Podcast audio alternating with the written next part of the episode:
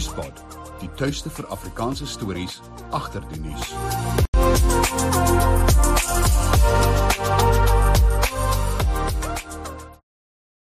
Daar sê goeienaand en baie welkom by Nuuspot en hier in my virtuele ateljee het ek ehm um, die man homself, uh, Dawie Skols, verkiesingsontleder. Uh Dawie, dis altyd vreeslik lekker om met jou te gesels. Ek onthou ehm um, die eerste keer dat ek met jou gesels het was in 2016 toe ek daar ehm um, vanuit Johannesburg oor die munisipale verkiesings ehm um, uh, uitgesaai het. En en en dit was die jaar waarin jy uh jou naam begin maak het want dit is dit ek ek het met verstomming jou uh, Twitter rekening dopgehou daai daai paar dae. Ehm um, want dit het net so geklim want die ouens het skielik besef maar hel hier's 'n ou wat weet waarvan hy praat en en sy somme klop. so goeienaand dankie en ek wil dan ook ons eerste gesprek. Wel lekker. en so ek wil julle voorstel vir die wat nie weet nie aan um, wat my betref die slimste verkiesingsontleder in die land Dawie Skols. Dankie dat jy met ons gesels Dawie.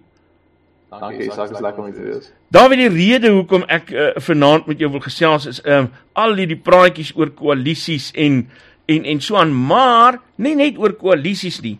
Uh die feit dat daar nou uh hierdie week die afgelope week ehm um, vanaf Julius Malema se kant afgeleide gemaak is die sommige mense uit die ANC uit hem nie almal is ewig gelukkig daaroor nie maar as 'n mens nou die nuuspublikasies van die afgelope paar dae moet glo dan lyk dit vir my is die tafel gedek vir 'n koalisie tussen die ANC en die EFF minstens op ehm um, op munisipale vlak Ehm um, maar maar maar dit lyk of hulle dit wil uitbrei na na nasionale vlak toe. 'n Rapport het die afgelope naweek berig dat die EFF se nasionale leierskops en die Gautengse ANC onderhandel om die provinsie se drie metro's uit die beheer van die veelparty koalisies te kry en onder die ANC se beheer te kry.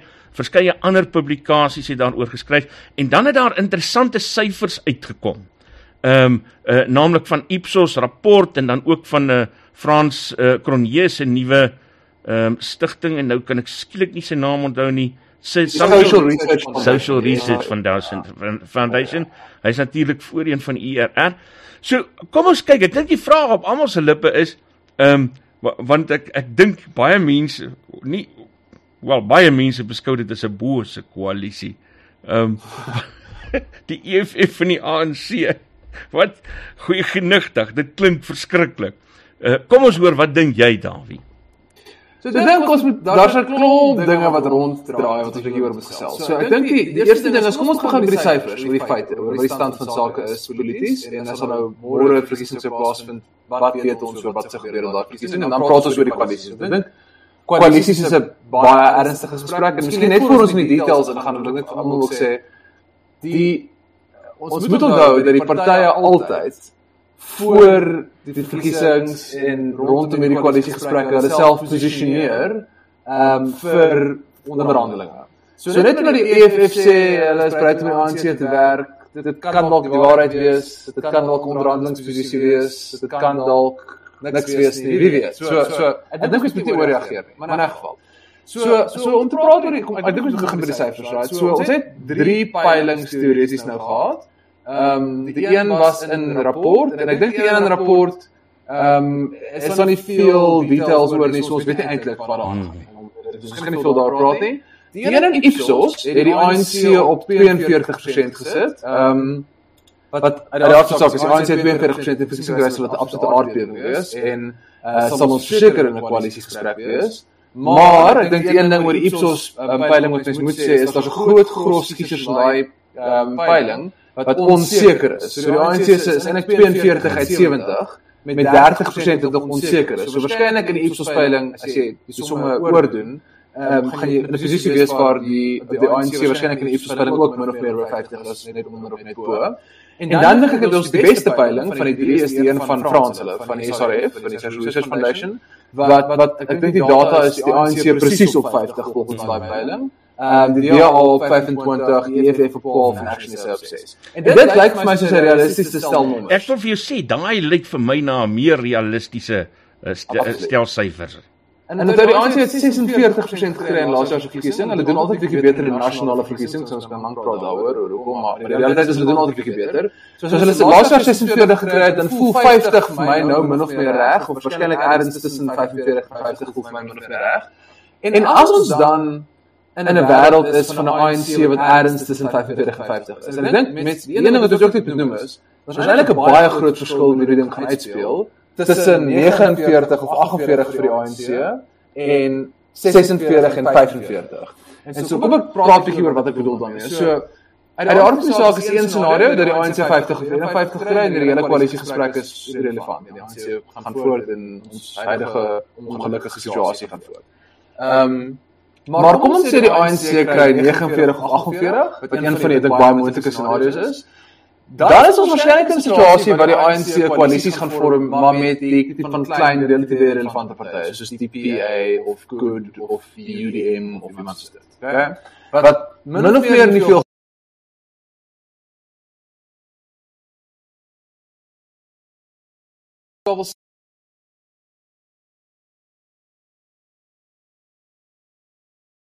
wil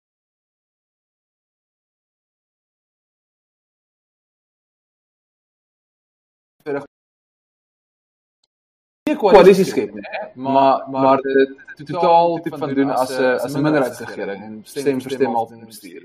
Ehm en dis dis 'n baie spesifiek sterk moontlikheid. Maar dan, as dit nou nie werk nie en ek dink eintlik die tipe van minder realistiese uitkoms maar moontlike uitkoms, dat die ANC sê 45 of 44% of so van die stem kry. Dan is daar 'n gesprek oor wat die koalisie is. Ek dink nie daar's genoeg van klein relatiewe korrupte partytjies om almal saam te snoer om vir die ANC te, te stem nie. Ek dink dan moet jy 'n ernstige gesprek hê. En dan is dit ek dink een van drie uitkomstes. Of 'n ANC EFF koalisie wat inderdaad 'n totale disaster vir die land sal wees. 'n ANC DA koalisie wat ek dink baie mense nie van sal hou nie. Baie mense dink is dalk beter as die alternatiewe, maar dis een opsie wat ek dink is. Of in my opinie, wat ek dink almal se eerste ding sal moet wees waarvoor hulle mik is om 'n koalisie oppositie te skep met al die oppositiepartye en dan ongelukkig gegee hoe die syfers lyk met die EFF as deel van die koalisie maar mens sal dan met die EFF die regte tipe deal moet kan maak. As hulle verwag dat mens onteiening wil doen en nasionalisering van die myne en die reservebank ja dan kan mens nie met die EFF saamwerk nie en dan moet hulle maar met die met die ANC gaan 'n koalisie gaan skep of dan moet die DA of een van die ander partye dan maar met die ANC koalisie skep.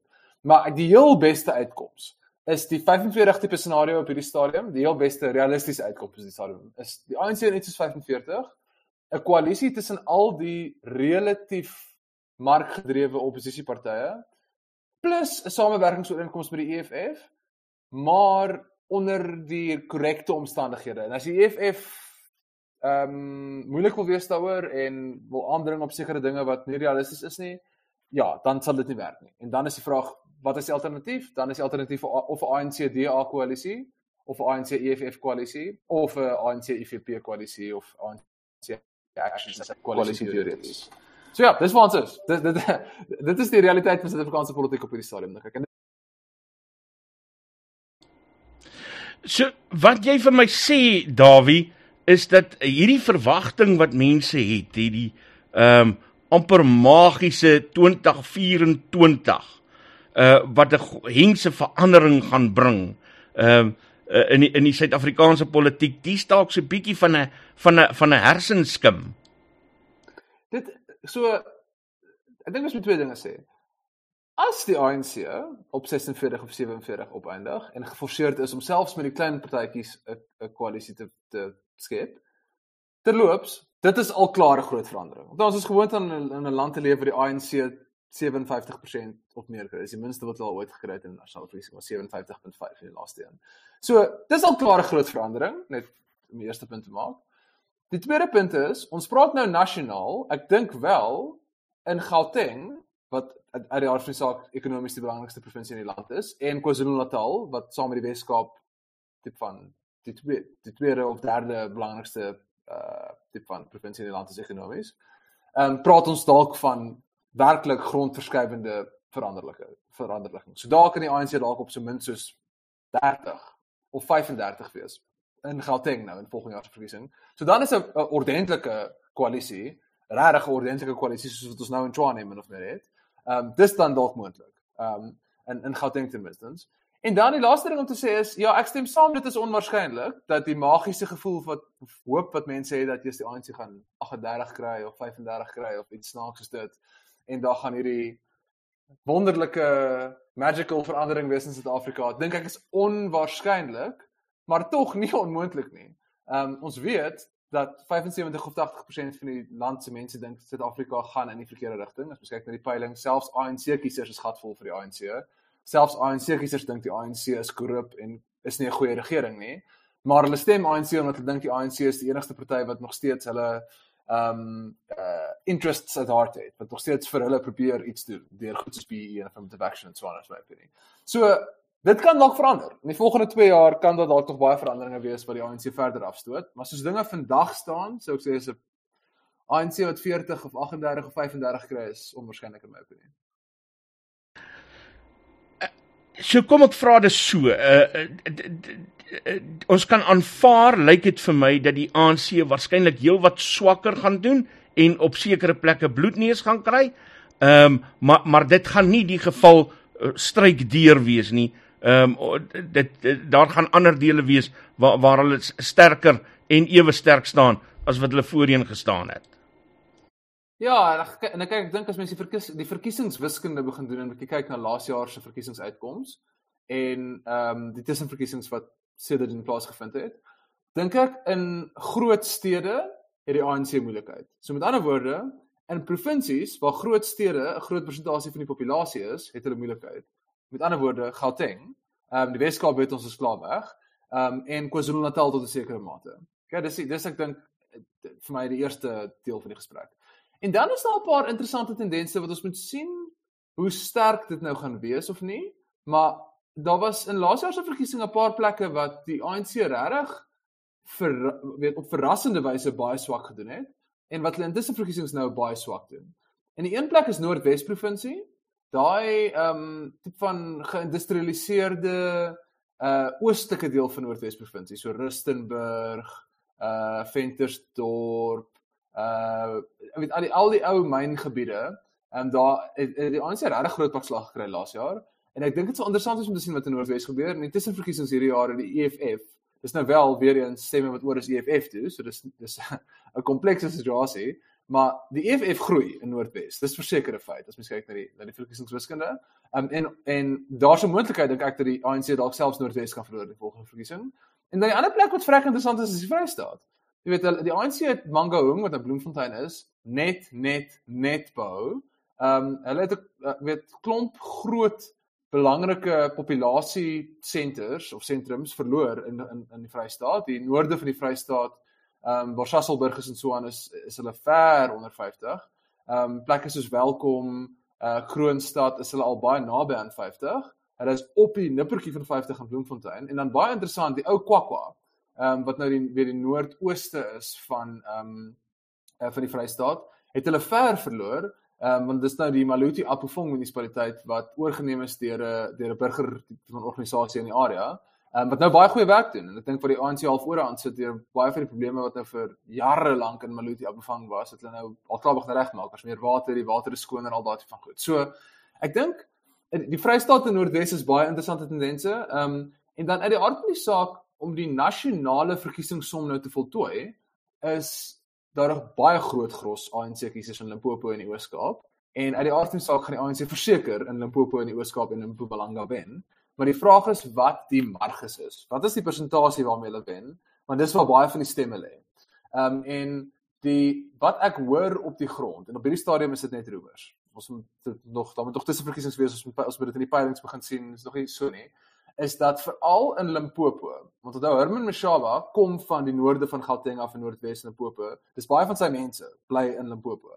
Is dat Action SA groot ehm um, vordering maak in Limpopo. Hulle gaan nie provinsie wen nie, hulle gaan nie ANC onder 50 kry in Limpopo nie, maar daar's 'n kans dat hulle 'n groot vet tipe van hap uit daai stemme uitvat wat die wat die verkiesingssom vir die ANC heeltemal draai. Ehm um, en dan ek dink is daar selfde tipe vrae oor die Ooskaap op hierdie stadium. Ek dink nie Action SA is baie sterk noodwendig in die oorskap nie. Hulle het okay gedoen in die intertussenverkiesing wat daar was. Maar dis net so groot gros kiesers wat die ANC um, verwag en die die hele ANC som is gebaseer op hoë opkomste in daai plekke en soos 'n miljoene stemme wat daaruit kom.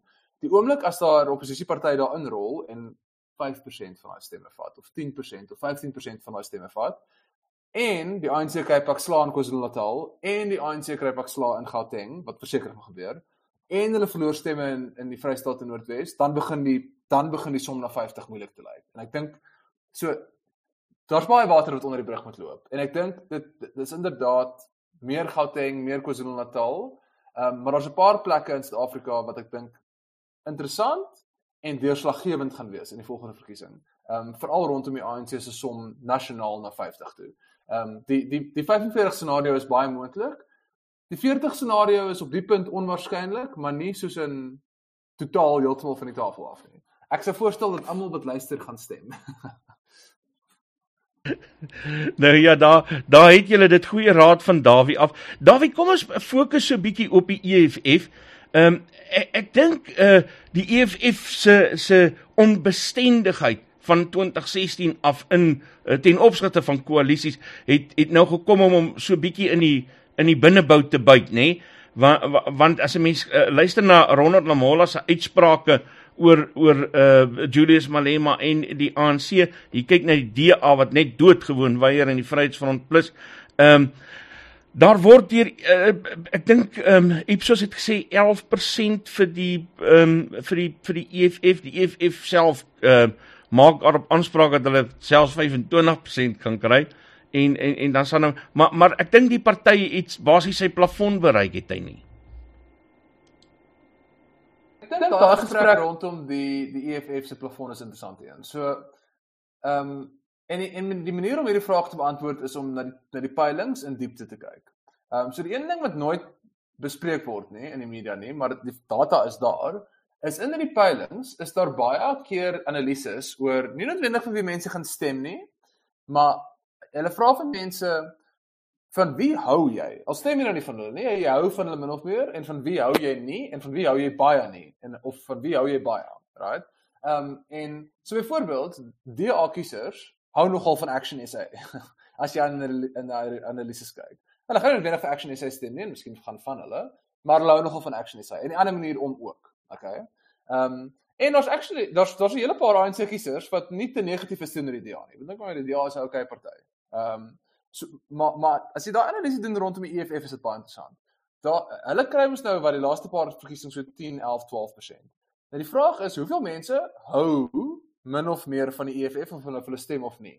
En die EFF is interessant. Hulle het die kleinste weet venster van geleentheid sou ek dit noem, want daar's omtrent net 16 of 17 of 18% van die land wat enigsins 'n bietjie van die EFF hou en omtrent 80% van die land wat niks van die EFF nie. So daar's 'n interessante tipe van insig daarin in dat die oorgrootste meerderheid van kiesers, insluitend swart kiesers, insluitend arm swart kiesers, tipe kiesers wat mense dink dalk sal lus wees vir EFF stem, hou nie van die EFF nie. Selfs al stem hulle oor seker goed saam met die EFF, dink hulle die EFF is te radikaal, hulle dink die EFF gaan chaos veroorsaak. Onthou hierdie mense wil graag hê die regering moet kan funksioneer om hulle te kan help. En as hulle die EFF sien sien hulle chaos, hulle sien moeilikheid, hulle dink nie die EFF gaan hulle kan help nie. So so dis hoekom daar so klomp mense is insluitend onder swart kiesers wat nie van die EFF hou nie. Maar is wel hierdie 16 of 17% wat wat dink die EFF miskien. Maar weet wanneer jy hierdie analises doen, jy wen nooit almal wat dink ek hou miskien van die party nie. So dis hoekom hulle vassit in hierdie 10, 11, 12, 13% persentasiepunt tipe van uh band. Ehm um, maar ek dink daar is nog bietjie spasie. So soos ek sê, dis dalk soveel as 18% potensiaal wat hulle nou miskien 13 of 14 of 15 van kan kry. En uit die aard van die saak weet die die soos mense nou sê, die band of die band wat hulle potensiaal is, is ook nie altyd 'n vaste ding nie. Weet mense kan skuif um, en da, en sê okay, ek gedink nie EFF nie, maar nou miskien. So ek dink dat nie daar's ooit iets so 'n harde cap op 'n party nie. Ehm um, maar maar waarskynlik is jy reg. Hulle is in hierdie plafon van erns tussen tipe van 12 en 15 of 16 in my opinie. Ehm um, maar daar's net 'n paar dinge wat wat ek dink vir my half rooi vlaggies is en en dit gaan veral oor Noordwes en die area rondom Noordwes. En dat die laaste seker 10 tussen verkiesings wat daar plaasgevind het, was daar regtig enorme enorme hoeveelheid kiesers in daai tussenverkiesings oor van die ANC af na die EFF toe. Daar's plekke waar die ANC in die verlede met 70 of 80% van die stem gewen het, maar die EFF nou gewen het in tussenverkiesings en die ANC het 40 of 30 persentasiepunte verloor en is nou op sê 30 of 35% van die stemme in daai gebiede en die EFF is eweskielik op 50 of 55 en hulle wen die wyke. Ehm um, so ons kort nog data om te sien hoe ver dit strek, maar daar is in sekere dele van die land kiesers wat nuwe kiesers wat oorgaan EFF toe. En so as gevolg van wat in die peilings is, stem ek met jou saam, ek dink daar is 'n plafon van 15% of so.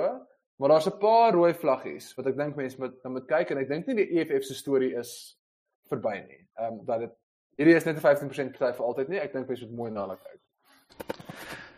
Nou uh, die DA Ehm um, uh, uh, Ipsos het 'n uh, Ipsos het 'n baie vreemde ehm um, meningsopname vir my uitgesit. Uh en en en ek wil ek wil nou nie graag vir Ipsos kritiseer nie. Ek ken daarom van Mariele baie goed en ek weet hulle doen goeie werk, maar iemand moet dit net vir my beduie. Uh want dit kan onmoontlik wees dat die DA so 'n skerp daling uh kan kan hê. Ja, ja kyk, die die die die Ipsos peiling het die DA op 11% gesit wat 'n uh, dit dis die, die DA is nie op 11% nie dit is dit verrig nie reg nie en laat ek verduidelik hoekom en is en ek ken ook vir my redes nie asof hulle die verkeerde metodologie gebruik het nie dat die hulle die syfers is nie net gekook nie die rede hoekom dit 11% is is 'n baie belangrike metodologiese besluit wat Ipsos geneem het en hoe hulle dit doen op hierdie stadium in die verkiesingssiklus is gestel hulle gaan na 100 mense toe En 70 van die 100 mense sê vir hulle, dis wat gebeur het. 70 van die 100 mense het min of meer vir hulle gesê vir wie hulle wil stem. 11 van die 70 het gesê ek wil DA stem. OK, goed. Maar nou is daar nog 30 mense wat wat nie seker is nie of nie wou beantwoord nie of wat ook al. En mense is eintlik veronderstel om daai 30 mense uit te sluit of hulle dan allokeer op 'n manier vir die partye. Selfs al wil hulle nie vir jou sê vir wie hulle stem nie, maar jy kyk na hulle demografie, kyk vir wie hulle verlede gestem het. Jy vra hulle baie ander tipe vrae om dit te allokeer. Dis nou wat die as mens nou die peilings nou doen. Ehm um, so die som wat Ipsos gedoen het om vir die DA by 11% te kry en by the way die die ANC by 42 te kry, is die DA het 11 uit 70 uit Ipsos se peiling gekry. Daar's nou uit die aard van 'n klomp stemme in die, wat in die 30 lê wat nog geallokeer moet word wat DA so, so gaan. So dis meer as 11. Ehm um, so dis hoekom ek dink Frans hulle se se peiling wat deur die SRF gedoen is, 'n baie beter peiling is want hulle het almal gaan allokeer. Frans hulle se som tel op na 100 toe, right? Ehm um, en so ek dink Frans hulle is som sit die DA op 25. Dit is baie hoë syfer. Ehm um, ek het geen rede om te dink dat die syfers gekook is nie. Ek dink die die ouens wat die by die peiling gedoen het is baie goeie pulsers. So dink is net een datapunt, so mens kort meer datapunte. My persoonlike gevoel as ek kyk na die laaste jaar se verkiesing en dit is 'n verkiesings is meer soos die DA rondom 20. Ehm um, maar 25 is 'n uitstekende syfer. Dit sal baie goed wees vir die DA as hulle dit kry. Ehm um, en uit uit in hartjie sou dit goed wees vir die koalisiegesprekke as die DA 25 kry. Ehm um, so kom ons kyk. Ehm um, maar ehm um, maar ja, so so ek ek dink 20 tot 25 is waarskynlik 'n baie meer realistiese ehm um, syfer vir die DA op die punt as as 11%. Ek dink dit is reg.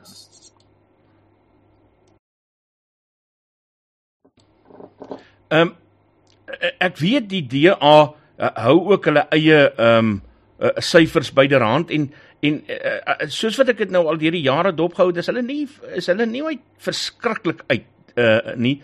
Ehm um, so dis nou vir interessant dat jy vir my sê ehm um, Frans hulle se syfers is goeie syfers want ek dink dit stem nogal ooreen met met die met die DA se eie syfers ook oor die komende verkiesing. Ja. Ja, so ek het vir die DA gewerk. Dis van 2010 tot 2014 en het saam met hulle met die aan die peilings goed gewerk en ehm um, ja, ek die, die DA het uitstekende syfers en het die beste syfers. Uit die aard van die saak wanneer hulle politieke partye hulle, hulle eie syfers uh bekend maak, dan is dit baie moontlik dat dit die eerlike die eerlike waarheid is wat hulle vir jou sê. Dis ook baie moontlik dat dit nie die eerlike waarheid is nie. So so ek dink ek is altyd baie meer bereid om te luister na na iemand soos Frans of selfs Marie en Ipsos hulle as mens nou hulle syfers reg interpreteer. Ehm um, as om 'n party se interne peilings te vat. Ehm um, maar as jy nou die regte syfers by die DA kry, dit is verseker so dat hulle syfers uitstekend is. Ek dink hulle peilings is baie keer Ek was daar gewees vir 2011 en vir 2014. Ehm um, weet die aand voor die tyd sit hulle altyd aandete voor die verkiesing en dan sê hulle okay die peiling sê dit wat dink julle gaan die uitslag wees en dan sit almal 'n syfer in die hoed en die peiling is nooit nooit meer uit as 'n halwe persentasiepunt of so nie. Ehm um, so hulle het uitstekende peilings. Die vraag is net of hulle wanneer hulle dit bekend maak 100% eerlik is. Ehm um, wat ek dink 'n uh regverdige vraag is om te vra oor partye se peilings. Daar's nog 'n faktor uh, dink ek wat die wat baie mense mis wanneer hulle wanneer hulle begin oordeel oor die DA. Ehm um, en, en en en dit is Helen Zille se vermoë om agter die skerms te werk. En en en ek weet nou uh dat dat sy op, op in hierdie stadium uh en met die munisipale verkiesings klip klip klip hard aan die werk is. Ehm um, wat wat wat vir my sê dat dat daar die moontlikheid is uh want jy weet sy het nou natuurlik die ook nog daai ding wat sy moet sy sy moet reg bewys word. Maar maar uh, sy, ek weet sy werk baie kliphard agter die skerms wat wat 'n baie groot faktor is wat baie mense nooit uh vir die DA krediet voorgee nie. Ja, nee, absoluut. 'n Mens jy kan enige opinie oor Helen Zille. Ek het al baie opinies uitgespreek. Ek sal met liefde weer 'n opinie uitspreek.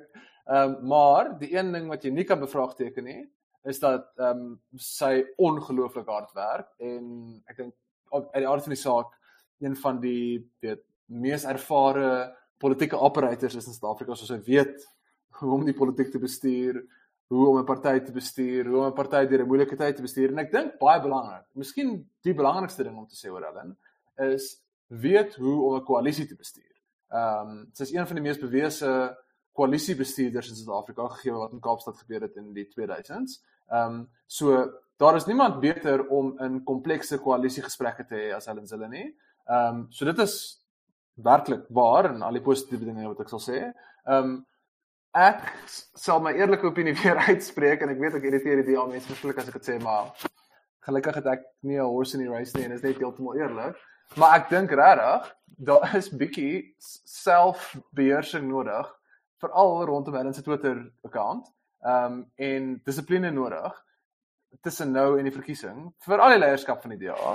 Ehm um, en al die leierskap van al die oppositiepartye om slim te wees en gedissiplineerd te wees oor die boodskappe wat hulle uitsit vir die volgende verkiesing. Want dit maak saak. Wanneer die politieke leiers staf tweet, ehm um, en dit kom in die media en dit raak 'n onsmaaklike gesprek, maak dit die party seer en maak dit die koalisie gesprekke en die rond die dit gesprek rondom 'n alternatief tot die ANC seer. So ek hoop van harte dat die party meer gedissiplineerd sal wees. Ek dink ek het al myself al baie uitgespreek oor hoe ek dink van Helen se goeters al van tevore skade gedoen het in die party. Ehm um, maar ja, ek dink nie mens kan bevraagteken dat sy ongelooflik hard werk en regtig 'n belangrike rolspeler is om die DA te kry is van waar hulle nou is tot in 2024 en inderdaad en as daar enige koalisie gesprekke is, koalisie gesprekke nie. Dan wil nou wil ek uh, met jou oor 'n ander punt hieroor gesels en en en, en meer na die ander uh, uh, uh, vennote in die veelparty koalisie uh, begin praat. Uh, maar ek wil ek wil wegspring met met met uh, Corneil Mulder wat wat wat saam met uh, Helen Zille werk aan aan aan hierdie koalisie.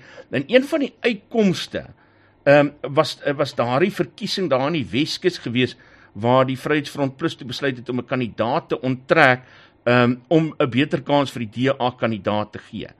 Ehm um, so daar is daar's baie duidelike tekens van 'n baie noue samewerking tussen Helen Zille en Corneil Mulder wat uh wat self 'n uh, 'n briljante strateeg is wanneer dit kom by by by koalisiepolitiek, nê? Nee? Ja, absoluut. En ek dis my baie interessant, die verhouding tussen die Vryheidsfront Plus en die DA. Want onthou, in 2019 het die DA flippend seer gekry met 'n klomp kiesers, baie kiesers wat oor is DA Vryheidsfront Plus toe. En daai kiesers is nog nie terug nie. In laas jaar se verkiesing eh, is die stempatrone nog presies dieselfde gewees. En die tussenverkiesings wat ons sien, is die stempatrone nog presies dieselfde. So daar's een ek dink vlak van strategiese logika wat sê eintlik vir die DA om steun te optimaliseer, moet hulle die Vryheidsfront Plus aanvat en daai stemme weer terugkry. Maar hulle doen dit duidelik nie, wat vir my interessant is. Ehm um, so ek dink daar's 'n strategiese besluit geneem dat die kiesers oor is, die kiesers kan besluit of hulle wil terugkom of nie. Ehm um, maar die DA gaan sy tyd op ander plekke spandeer om die ANC aan te vat, om duidelik Action SA aan te vat, om die EFF aan te vat en so voort. Ehm um, en die kiesers kan kies en ek dink dis interessant want want ek dink daar's daar's waarskynlik relatiewe groot gros kiesers wat tussen die DA en die Vryheidsfront Plus sit en ook so 'n bietjie Action SA, wat tussen die DA en die Vryheidsfront Plus sit. Ehm um, en wat op hierdie stadium waarskynlik ek dink sê wel die stem gaan min of meer op dieselfde plek eindig want die twee gaan in 'n koalisie saam, hulle werk saam in koalisie en ek dink die twee partye werk eintlik saam en ek dink is daai jy weet um, voorbeeld wat jy nou gebruik het oor die Weskaap sit of die Weskus tussen verkiesings is seker 'n voorbeeld die party die partye koördineer relatief goed. Um, en so ek dink baie kiesers sal sê wel die party gaan min of meer op dieselfde of die stem gaan min of meer op dieselfde plek opeindig. Ehm um, weet ek gaan kies vir die party wat ek die meeste van hou, wat 'n Vryheidsfront Plus of DA is en dit is 'n proporsionele stelsel so elke stem tel daarvoor. Ehm um, so en ek dink dis 'n baie interessante strategiese besluit en dit sal vir my interessant wees om te sien of die DA daai dissipline behou, die DA en die Vryheidsfront Plus. Want daar is wel bietjie van 'n strategiese logika vir beide partye om mekaar ook aan te vat om oor daai kiesers te stry wat hulle op die stadium nie doen nie. Ehm um, dit dis dis baie interessant. So kom ons ehm um, gesels dan nou gou oor die ander partye binne die binne daardie uh, veelparty koalisie want ek dink dit gaan ook ehm um, 'n baie belangrike rol speel kom 2024 want mense wil nou die hele tyd op die ANC en die DA en die EFF konsentreer. Maar maar maar dit is tog belangrik watter rol Action SA ehm um, uh wat is ehm um, uh Gaitan McKenzie se party se naam en en en die ander kleiner partye speel want dit gaan dit gaan die sukses van 'n koalisie bepaal.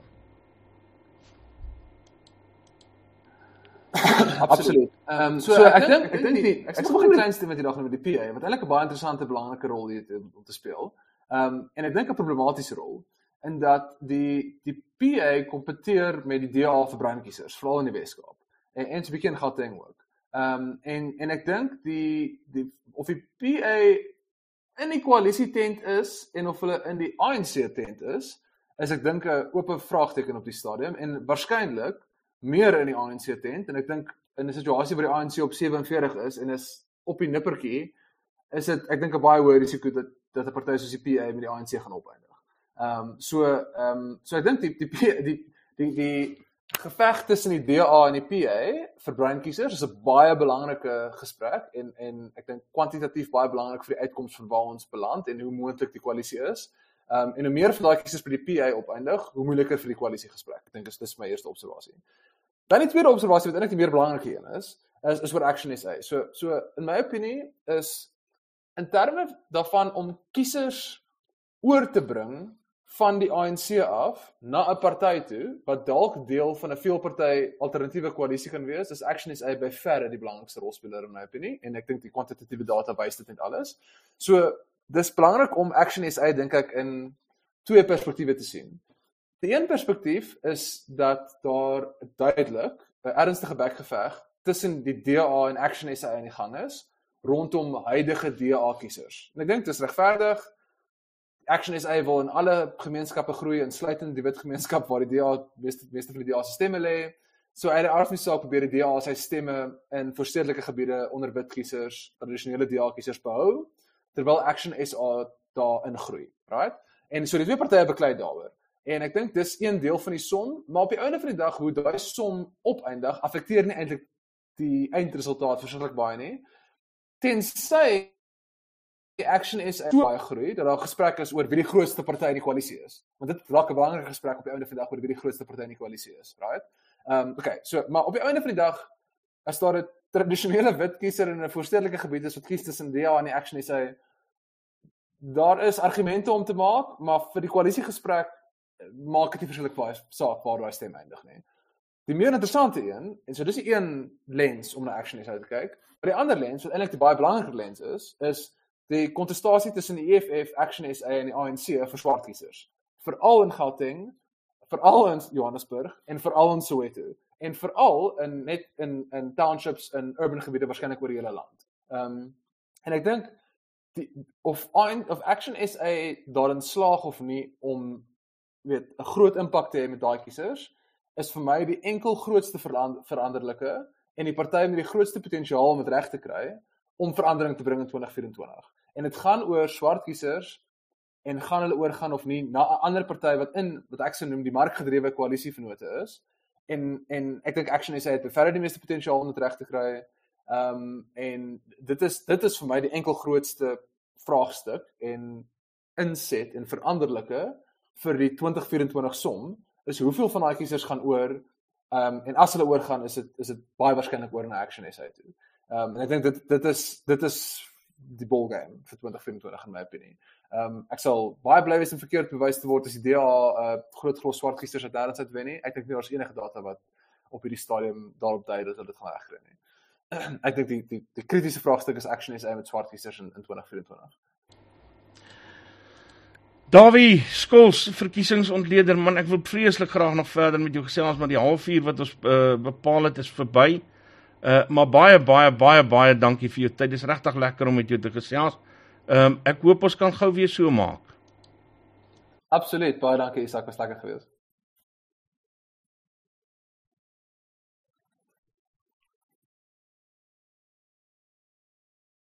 Nuuspot. Die tuiste vir Afrikaanse stories agter die nuus.